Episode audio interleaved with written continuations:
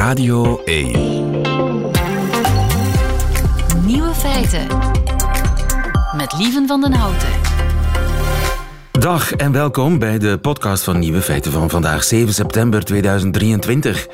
In het nieuws vandaag dat de Franse televisie een nieuw manneke pis heeft ontdekt. Met name Vincent van Quickenborne, inderdaad onze minister van Justitie, die is nu ook in Frankrijk beroemd. Met dank aan het satirische programma Quotidien. Là, vous voyez, je m'incline à l'arrière et je fais un mouvement. Un mouvement dont je ne sais pas exactement que j'ai fait. Nous sommes dans le plus grand JT belge, on parle de pipi, d'inclinaison arrière et de blackout. Avec ces images, je démontre mon innocence. Vincent Van Quickenborn veut faire taire une fois pour toutes la polémique qui le vise. Une polémique qui porte le nom prestige de... Pipigate. Pipigate. Pipigate. Urine. Pipigate. Le Pipigate. Pipigate, kandidaatwoord van het jaar. De andere nieuwe feiten vandaag. Kunnen Duitse Taurus-raketten het Oekraïnse tegenoffensief redden? Jens Fransen schat de kansen in. Wat als de nieuwe vriend van je moeder je echte vader blijkt te zijn? Rika Ponet geeft antwoord. En waarom zeggen de Duitsers zee tegen meer en omgekeerd? De nieuwe feiten van Nico Dijkshoorn die hoort u in zijn middagjournaal. Veel plezier. Nieuwe feiten. Radio 1. Heeft Duitsland de sleutel in handen van het succes van het Oekraïense tegenoffensief? Jens Fransen, goedemiddag. Goedemiddag. Onze, mm, ja, onze soldaat, mag ik wel zeggen. Onze man, onze man aan het front vandaag in de, in, in de studio weliswaar. Maar onze defensiespecialist. Het gaat om eh Taurus-raketten. Ja, het gaat eigenlijk om kruisraketten. Kruisraketten, ja, grote vliegende dingen die onder een vliegtuig hangt, die dan heel laag, heel snel richting een front vliegen. Oekraïne heeft al dat soort eh, kruisraketten geleverd gekregen van Frankrijk en van Groot-Brittannië, de Scalp, de Storm Shadow, maar vraagt nu ook aan Duitsland om Duitse kruisraketten te krijgen. En daarvan zegt Duitsland nee, ja, misschien. En hoe belangrijk zijn die Taurus-raketten? Die raketten zijn heel erg belangrijk omdat je daarmee van op een grote afstand een heel erg moeilijk te raken doel kan reiken. Die Taurus-raketten zijn eigenlijk nog een stukje beter dan die andere eh, kruisraketten omdat dat zogenaamde bunkerbusters zijn. Wat wil dat zeggen? Dat zijn raketten met een dubbele lading, twee explosieven. Kan met andere woorden een bunker binnendringen met een eerste explosie en kan dan nadien bijvoorbeeld naar min 1, min 2, min 3, want die telt dat ook tijdens die explosies en kan daar nog eens een tweede explosie laten doen. Wat ook bijzonder is aan die raket is dat die een nog groter bereik heeft dan die andere kruisraketten en daar zit het probleem. En daar zit het probleem voor Duitsland, maar daar ook zit de mogelijkheid voor Oekraïne. Ja, want natuurlijk als je zo'n heel erg groot bereik hebt, Oekraïne zegt, kijk, wij kunnen die onder onze toestellen hangen en die kunnen helemaal aan de westkant van Oekraïne, ver weg van Russische luchtafweer, opstijgen. En aangezien die kruisraketten zo een groot bereik hebben, kunnen we die dan afvuren zonder dat onze piloten in gevaar worden gebracht of onze vliegtuigen. Die kunnen dan helemaal over Oekraïne om dan nog een ruim genoeg bereik te hebben om bijvoorbeeld die Kertjebrug te kunnen gaan raken. Zou wel handig zijn als je dan zo'n dubbele lading hebt, dan kan je door het eh, en meteen ook een brugpijler eruit halen. Dat is een brug naar de Krim? Ja, dat is een heel belangrijke brug naar de Krim die door Rusland gebruikt wordt om zwaar materieel en troepen te gebruiken. Maar natuurlijk, als je die raket zou gaan afvuren van aan de grens met Oekraïne, dan zou die ook bijvoorbeeld een bunker in het Kremlin kunnen gaan raken. En dat is natuurlijk iets wat Duitsland ten alle prijzen wil voorkomen.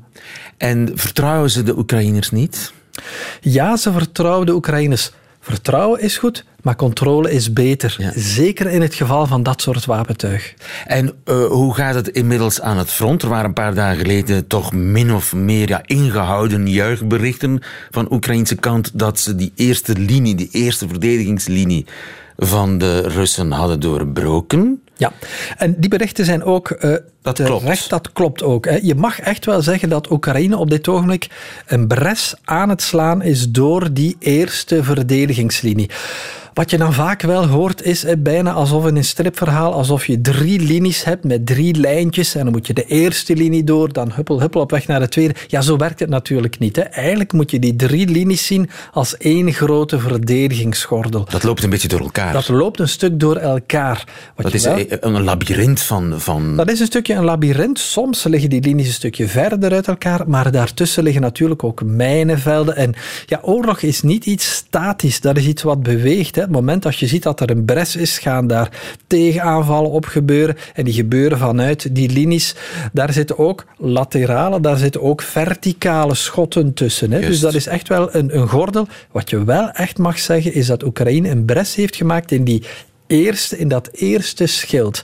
Grote vraag is, en dat gaan we de komende weken en maanden gaan zien, is die andere, die, die andere laagjes die daar dan in zitten. Hoe sterk zijn die? Zijn die even, dat weten we eigenlijk niet. Men gaat ervan uit, de klassieke theorie zegt dat zeker de laatste linie de zwakste is. Want dat is louter nog een verdedigingslinie voor de terugtrekkende troepen. Zodanig dat men weet van, kijk, als er een zeer grote bres is, moet Rusland in dat geval zichzelf, wil Rusland zichzelf nog een beetje tijd kopen om op zijn minst op een geordende manier te kunnen terugtrekken. Ja. Dus eh, is er sprake van lichte paniek aan de andere kant, bij de Russen? Eh, ja en nee. Wat je ziet is dat, eh, dat Russische, eh, die, die Russische verdedigingslinie eigenlijk heel erg robuust is. Wat je ook ziet is dat Rusland wel degelijk de doctrine toepast die perfect, eh, die perfect toepasbaar is als men zich verdedigt. Je ziet bijvoorbeeld dat Rusland, niet tegenstaande de grote Oekraïnse aanval, op andere plekken nog steeds heel kleine aanvallen uitvoert. Een soort guerrilla-aanvallen. Dat is natuurlijk wat het handboek voorschrijft, want door constant kleine aanvallen te gaan uitvoeren op andere plekken, dwing je Oekraïne constant op zijn kivief te blijven en constante middelen en, en logistiek en, en, en, en, en gepantserde eenheden constant klaar te houden. Want ja, Oekraïne weet natuurlijk ook niet of die andere aanvallen niet de voorbode zijn van misschien een zeer grote Russische aanval. Wat het natuurlijk moeilijker maakt voor Oekraïne. Dus eigenlijk moet je vaststellen dat Rusland het spel van zijn kant in de verdediging op dit ogenblik zeer goed speelt, zeer goed voert. En moet je in dat kader ook die aanval zien gisteren op dat stadje, Kostjantinivka? Met de wel, hè. 17 doden? Wellicht wel. Wat Rusland doet, is Rusland probeert van zijn kant het moreel te breken. eh, Ja. aan, aan, Dus aan- door aan- burgerdoelen te raken. door burgerdoelen te raken. Afschuwelijke dingen doen met Dit is louter kinderen buikgevoel, hè? maar ik vraag mij af of Rusland daarmee zelfs niet het omgekeerde teweeg brengt op dit ogenblik. Ik kan me voorstellen dat er opnieuw Oekraïnse jonge mannen zijn die zeggen van kijk, zolang dit gebeurt, zolang wij niet in veiligheid kunnen leven, ja, deze oorlog moet stoppen. En aangezien dat, dat Rusland niet van plan is vrijwillig te gaan terugtrekken, zullen wij deze oorlog blijven voeren en zullen wij verder mee naar het front gaan trekken. Ja, we, hebben, we hadden het over het grote lenteoffensief. Intussen is de zomer bijna voorbij. Gaat het gewoon door tot in het oneindige? Ehm, wel, wat we. eh, ik had al eh, een paar maanden geleden hebben we hier ook al gezegd: Rusland heeft op dit ogenblik geen overwinningen meer nodig. Rusland wil dat front bevriezen. En is daar eigenlijk de voorbije twee, drie maanden wel in geslaagd? We hadden toen al gezegd: het ligt voor de hand dat Oekraïne wel een klein stukje overwinningen zal boeken. Maar voor Rusland is een klein verlies, wat het nu is, eigenlijk een overwinning. Mocht Rusland met de huidige frontlijn, zoals ze vandaag de dag ligt, de winter kunnen ingaan, dan moet je eigenlijk zeggen dat dat hele lenteoffensief volledig mislukt is. Maar natuurlijk, de winter is er nog niet. hè. We hebben ook vorig jaar gezien dat de grootste overwinningen, terreinwinst dan, want daar moet je toch een stukje naar kijken, geboekt eerder zijn in oktober, november. Dus Oekraïne heeft nog tijd. Maar natuurlijk, voor Oekraïne is tijd wellicht van een kleinere eh, belang.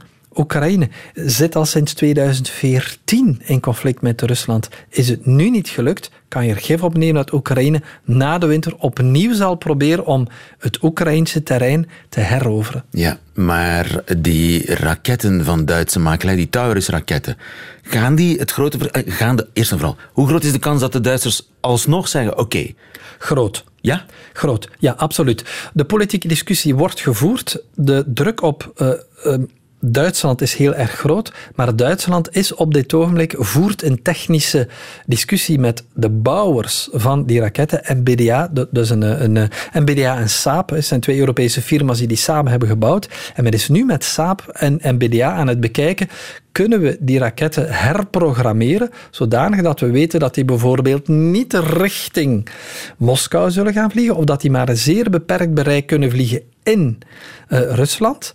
Eenmaal die technische kwesties opgelost zijn, wil ik ervan uitgaan dat Duitsland die Taurus-raketten wel degelijk zal gaan leveren. Ja, en dat is dan weer een pre voor uh, een opsteker voor uh, Oekraïne. Voilà. We, we, volgen het verder en we zullen zien hoe het uh, voor de winter ergens eindigt. Absoluut. Het front in Oekraïne. Dankjewel, Helder. Dankjewel. Jens Fransen, goedemiddag. Vraag het aan Rika.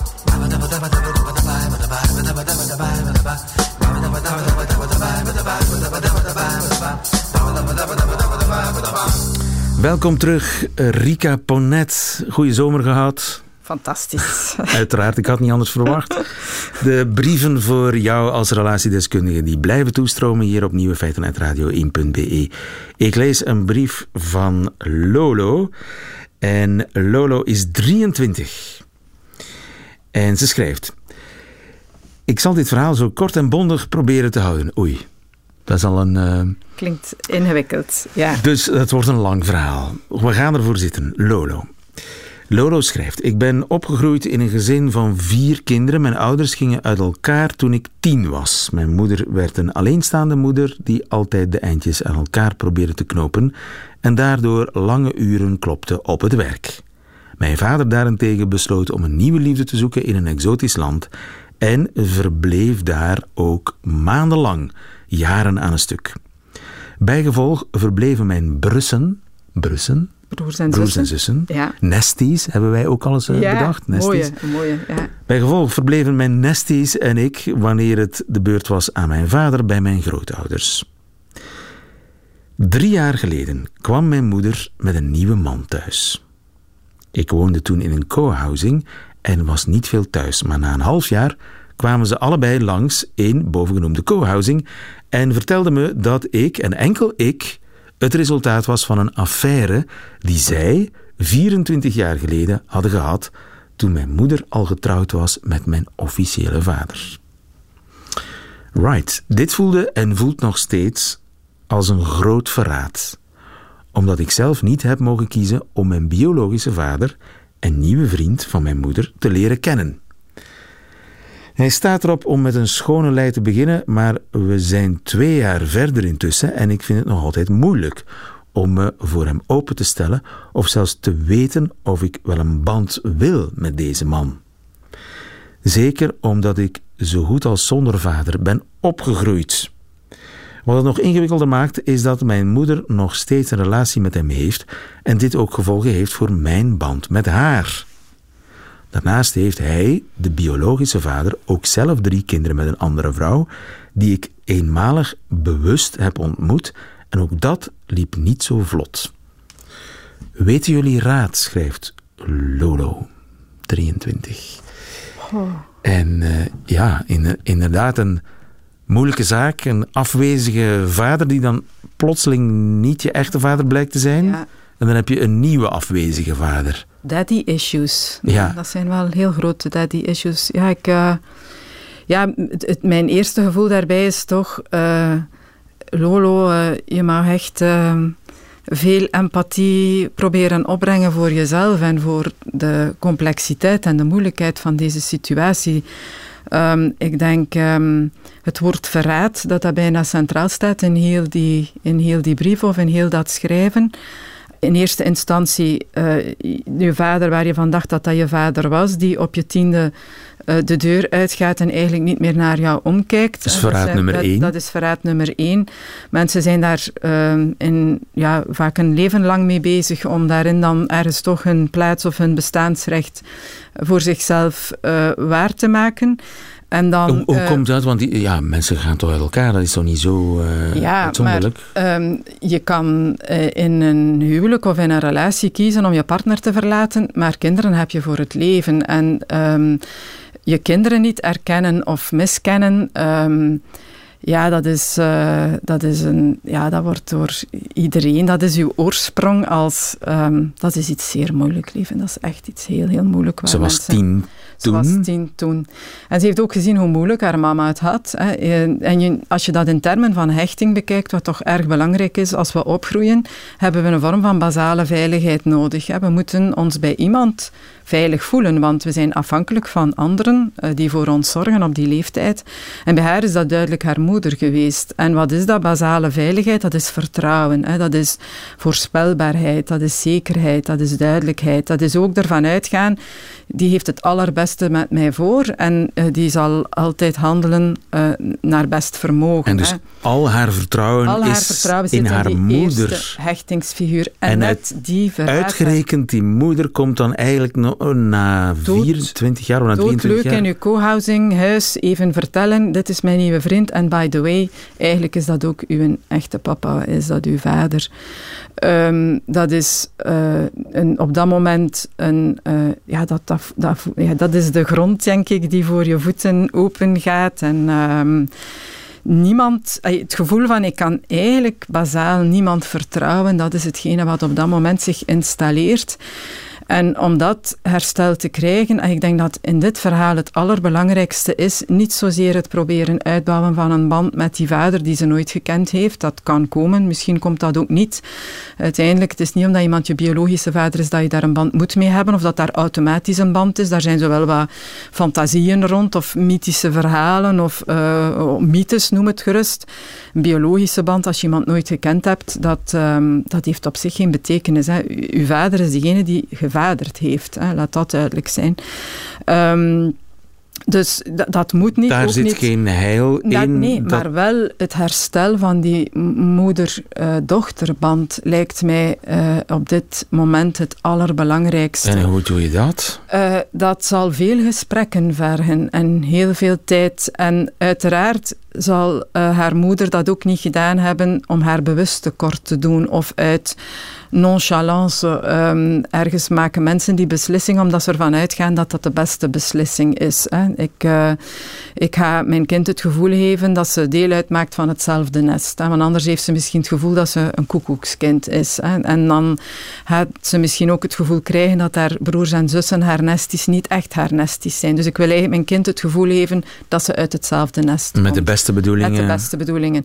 Maar als dat dan inderdaad, zoals nu, na verloop van tijd uitkomt, ja, dat is, dat is geen gewoon Hadden ze beter gezwegen? Is zwijgen soms beter? Ja, maar eh, nee, ik denk dat veel vroeger het gezegd hebben. Ik denk dit soort geheimen dat dat nooit goed is. Ehm, wat ik heel vaak ook hoor van mensen, ehm, dat is als dat dan zo uitkomt en ze kijken daarop terug, dat ze altijd ergens een gevoel gehad hebben dat er iets was dat niet klopte. Ja.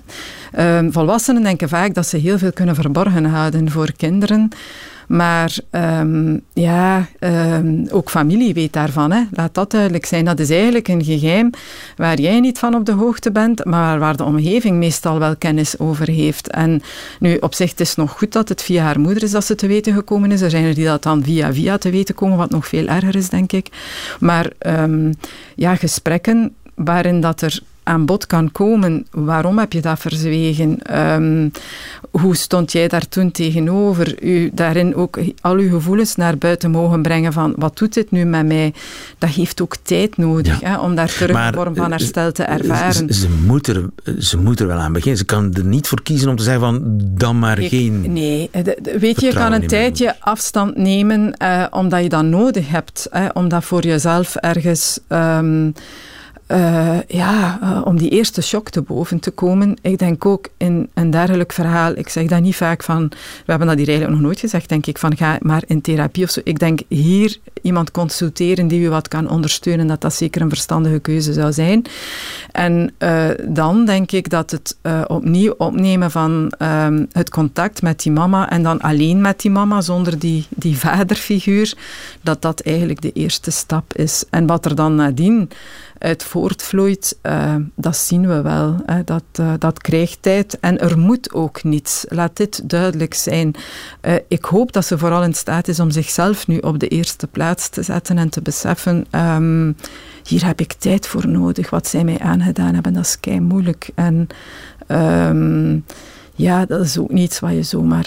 verwerken is hier ook niet het juiste woord. Je, dat is iets wat je moet integreren in je leven, eh, je zelfbeeld rond moet aanpassen. eh, maar het is heel veel, laat dat duidelijk zijn. We wensen daar heel veel sterkte bij en succes mee. Lolo, dankjewel voor je brief. En we hopen dat, je iets, eh, dat wij iets voor jou hebben betekend. Mensen met vragen voor Rika, ze zijn welkom op uh, nieuwefeiten.radio1.be. Dankjewel Rika Ponet en tot volgende week. Graag. Nieuwe feiten.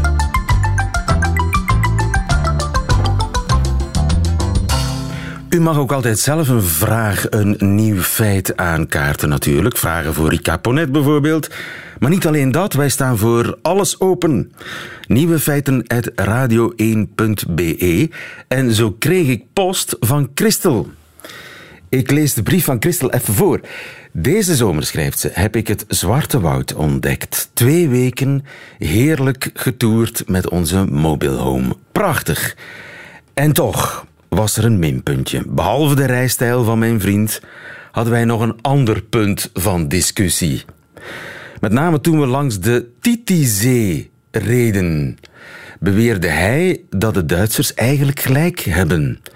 Dat een meer een zee is en een zee een meer. Want, zegt hij, meer komt van het Latijnse mare.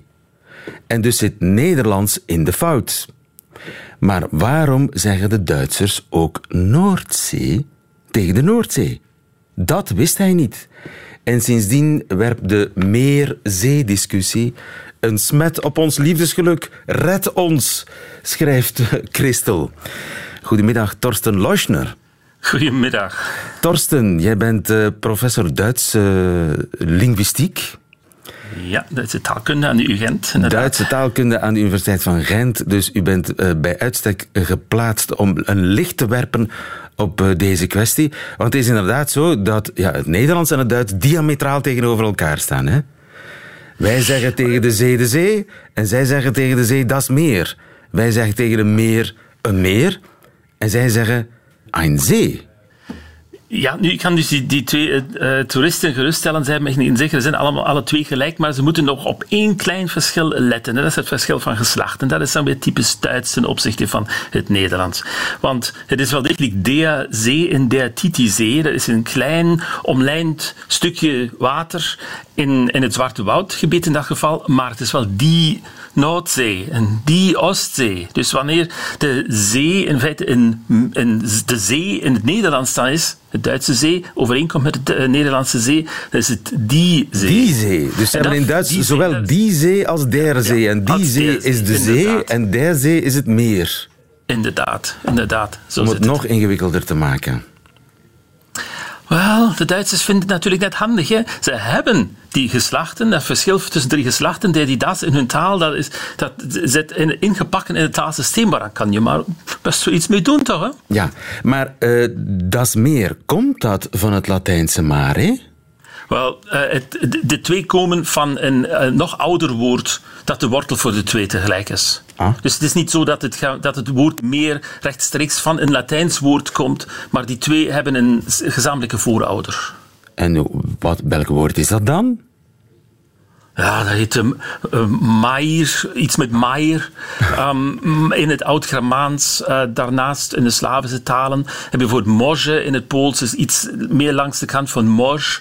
Dus het is al veranderd en dat zijn sowieso allemaal gereconstrueerde talen. Oké, okay, dus dat we, komt eigenlijk... We hebben nooit met iemand gesproken, helaas, die 2000 jaar of nog langer geleden uh, die, die, die talen echt sprak, helaas. We dus moeten reconstrueren. Het is, het is zowel de, de, de oude Germanen als de oude Romeinen hebben dat woord mare, meer, uit een nog eerdere taal gehaald. Ja, precies. precies. En hoe heet die taal? Is het dan dat Indo, Indo-dinges, Indo-Germaans? Ja, Indo-Europees Indo wordt genoemd. Soms Indo-Germaans, maar ik denk dat Indo-Europees toch beter is. En waar komt dan zee vandaan? Ja, dat zouden we graag willen weten. Wel, om te beginnen is zee een Germaanse uitvinding. Dus dat is het woord meer is ouder dan het woord zee. Waar dat precies vandaan komt, weten we eigenlijk ook niet. Maar om een of andere reden hebben de Germanen, de heel oude Germanen dan, zo 2000 jaar geleden, eh, beslist tussen aanhalingstekens dan, niemand beslist dat, maar ze hebben het gewoon gedaan, een woord uitgevonden dat naast meer kon bestaan. En dat gebeurt meestal als er een duidelijk verschil is. De twee gaan over water, maar zee ging waarschijnlijk over een heel ander soort water. Misschien over een smalle beek of zoiets. Oh ja, dus er moet een tijd geweest zijn dat die woorden min of meer door elkaar werden gebruikt voor veel water. En op het moment Inderdaad, op het moment dat de Germaanse talen uh, enigszins gedocumenteerd zijn, dat is zo vanaf 800, 900, voor sommigen nog later het geval, bestaan die woorden al naast elkaar. Um, dus je moet je ongeveer zo voorstellen dat zee zich steeds meer verspreiden, naast het woord meer kwam te staan en in sommige talen het zelfs vervangen heeft. Dus in de Scandinavische talen, nee, Deens, Noors, Zweeds en, en, ook in het Engels bestaat het woord meer vandaag gewoon niet meer. Dus in, in, in het Engels is het alleen maar de sea de zee dus, de sea. Um, we hebben sowieso het oorspronkelijk Griekse woord okeanos, dus ocean, oceaan en zo verder. Maar meer heeft men in die talen niet meer. En de vraag was dan in zekere zin toen de Germanen zo ver waren dat ze op het continent, waar Duits en Nederlands uiteindelijk gesproken gingen worden, mm, dat ze daar bij wijze van spreken beslist hadden om meer een zee naast elkaar te laten bestaan, hoe die twee woorden het werk met elkaar, tussen elkaar gingen verdelen. Oké, en zijn er dan Duitsers die, die meer eh, zee tegen de zee zeiden en Duitsers die meer tegen een zee zeiden? Nee, nee, nee. Ja, ja, wel in zekere zin ja. Want in het noorden van Duitsland bestaat nog een groep dialecten die heel erg op het Nederlands lijken. Meer op het Nederlands dan op het Hoogduits. En die hebben de Nederlandse uh, betekenis van meer inderdaad overgenomen. In die zin bestaat dat nog. Die, deze taal, de Nederduitse taal, ook Platduits genoemd, wordt eigenlijk nauwelijks nog gesproken. Het leeft nog, maar niet meer zo heel erg. Maar het leeft wel voort in bepaalde uh, wateren die voor Duitse oren dan vreemd genoeg meer heten. De Steinhoeder meer is het belangrijkste voorbeeld van een over. En vandaar misschien dat, uh, dat er ook nog iets, zoiets is als die Noordzee in het Duits. Dat dat ook een overblijfsel is van dat Nederduits. Uh, het overblijfsel. Nee, het overblijfsel is uh, het gebruik van het woord meer om naar iets te verwijzen dat in feite in het standaard Duits een zee is, Theerzee. Een omlijnd en afgegrensd stuk water. Dat bestaat daar. En bijvoorbeeld Hannover, mensen uit Hannover die gaan heel graag in het weekend naar het Steinhuder Meer. En voor Hoogduitse oren is dat vreemd. Dat is eigenlijk een zee, dat is geen meer. Ja. Dat is een, een omgrensd water. En daar, daar kan je zeilbootjes huren en zo. En aan, aan het strandje gaan zitten. Maar dat is wel degelijk, voor Hoogduitse oren zou dat een zee moeten genoemd worden. Ja. Maar het is Neder-Duits taalgebied waar het gebruik van het woord meer overeenkomt met het Nederlands. Juist, ja. En dus heb je Steinhoed en Mee, en dat is in feite, ik zou het een zee noemen. Maar oké, voor mij is het om het even. Ze noemen het maar dan maar zo. Maar wat ik aanbevelen aan, aan uw twee luisteraars, ga eens naar het noorden van Duitsland. En dan zullen ze geen ruzie meer hebben. Dan kunnen ze aan Steinhoeder Meer gaan zitten op het strand en, en een, zeilbootje huren. Ze geen ruzie hebben. Het is een Steinhoeder Meer. Ja, Nederlands en Duits, het lijkt op elkaar, maar op sommige punten staat het diametraal tegenover elkaar. En dat heeft allerlei uh, geschiedkundige wortels. Op een gegeven moment, uh, ja, switchen woorden van betekenis. Helder, dankjewel dankjewel uh, voor deze uitleg. Torsten Leuschner, goedemiddag. Graag gedaan. Radio 1. Nieuwe feiten. En dan hebben we nog een paar nieuwe feiten voor u. Japan bijvoorbeeld heeft uh, spijbelen opgelost.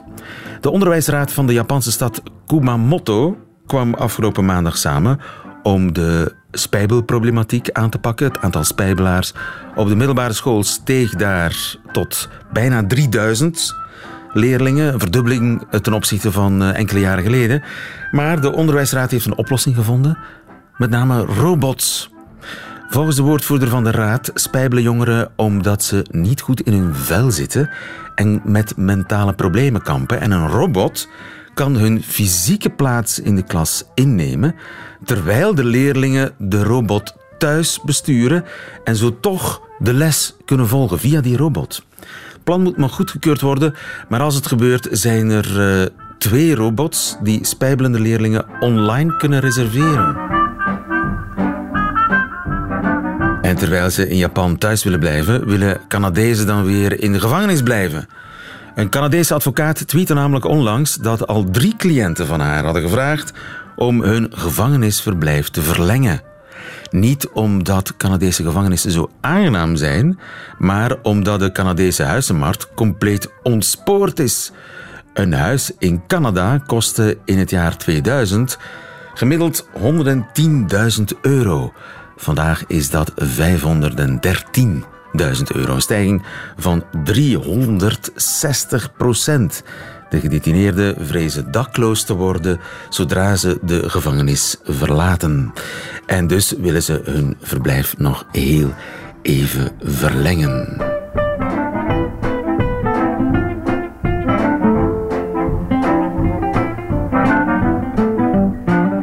Ziezo, dat waren ze, de nieuwe feiten van 7 september 2023. Alleen nog die van Nico Dijkshoorn, die krijgt u nu in zijn middagjournaal.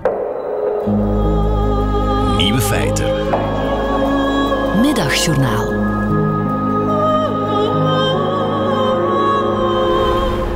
Beste luisteraars, ik mag het eigenlijk niet vertellen, maar ik heb er de boete graag voor over. Ik doe dit jaar mee aan de Nederlandse versie van De Maagst Zinger. Op het laatste moment met een andere bekende Nederlander die verder helemaal niemand kent, ziek. En aan een telefoontje van de redactie ben ik naar de studio gereden en ik heb me in het pak laten proppen. We hebben nu twee repetities gedaan en iedereen is heel erg tevreden. De regisseur van het programma mailde mij net dat hij nog nooit iemand heeft ontmoet die een giraf zo makkelijk laat dansen en zingen. Het was wel een uitdaging. De eerste dag vergat ik steeds dat ik een hele lange nek had en zwaaide ik 17 kopjes koffie van tafel als ik naar rechts keek. Ik weet dat er hier op Radio 1 laatdunkend wordt gedaan over het programma The Mars Singer. En dat neem ik voor lief.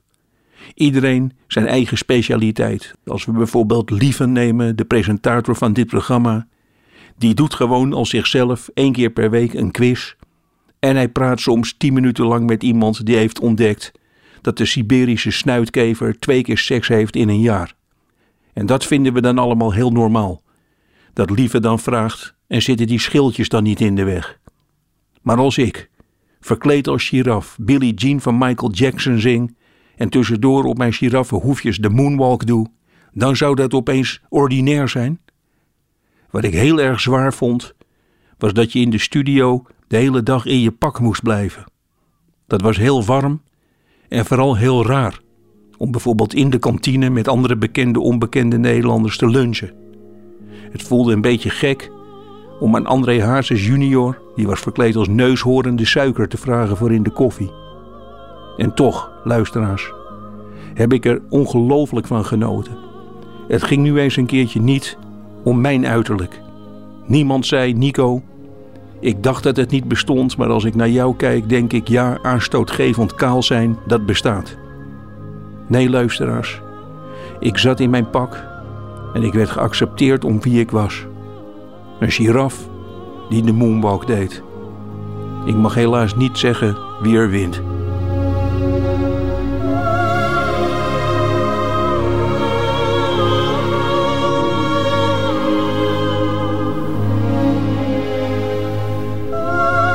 Het middagjournaal met en van Nico Dijkshoorn en ik krijg zin om te beginnen kijken naar die Masked Singer.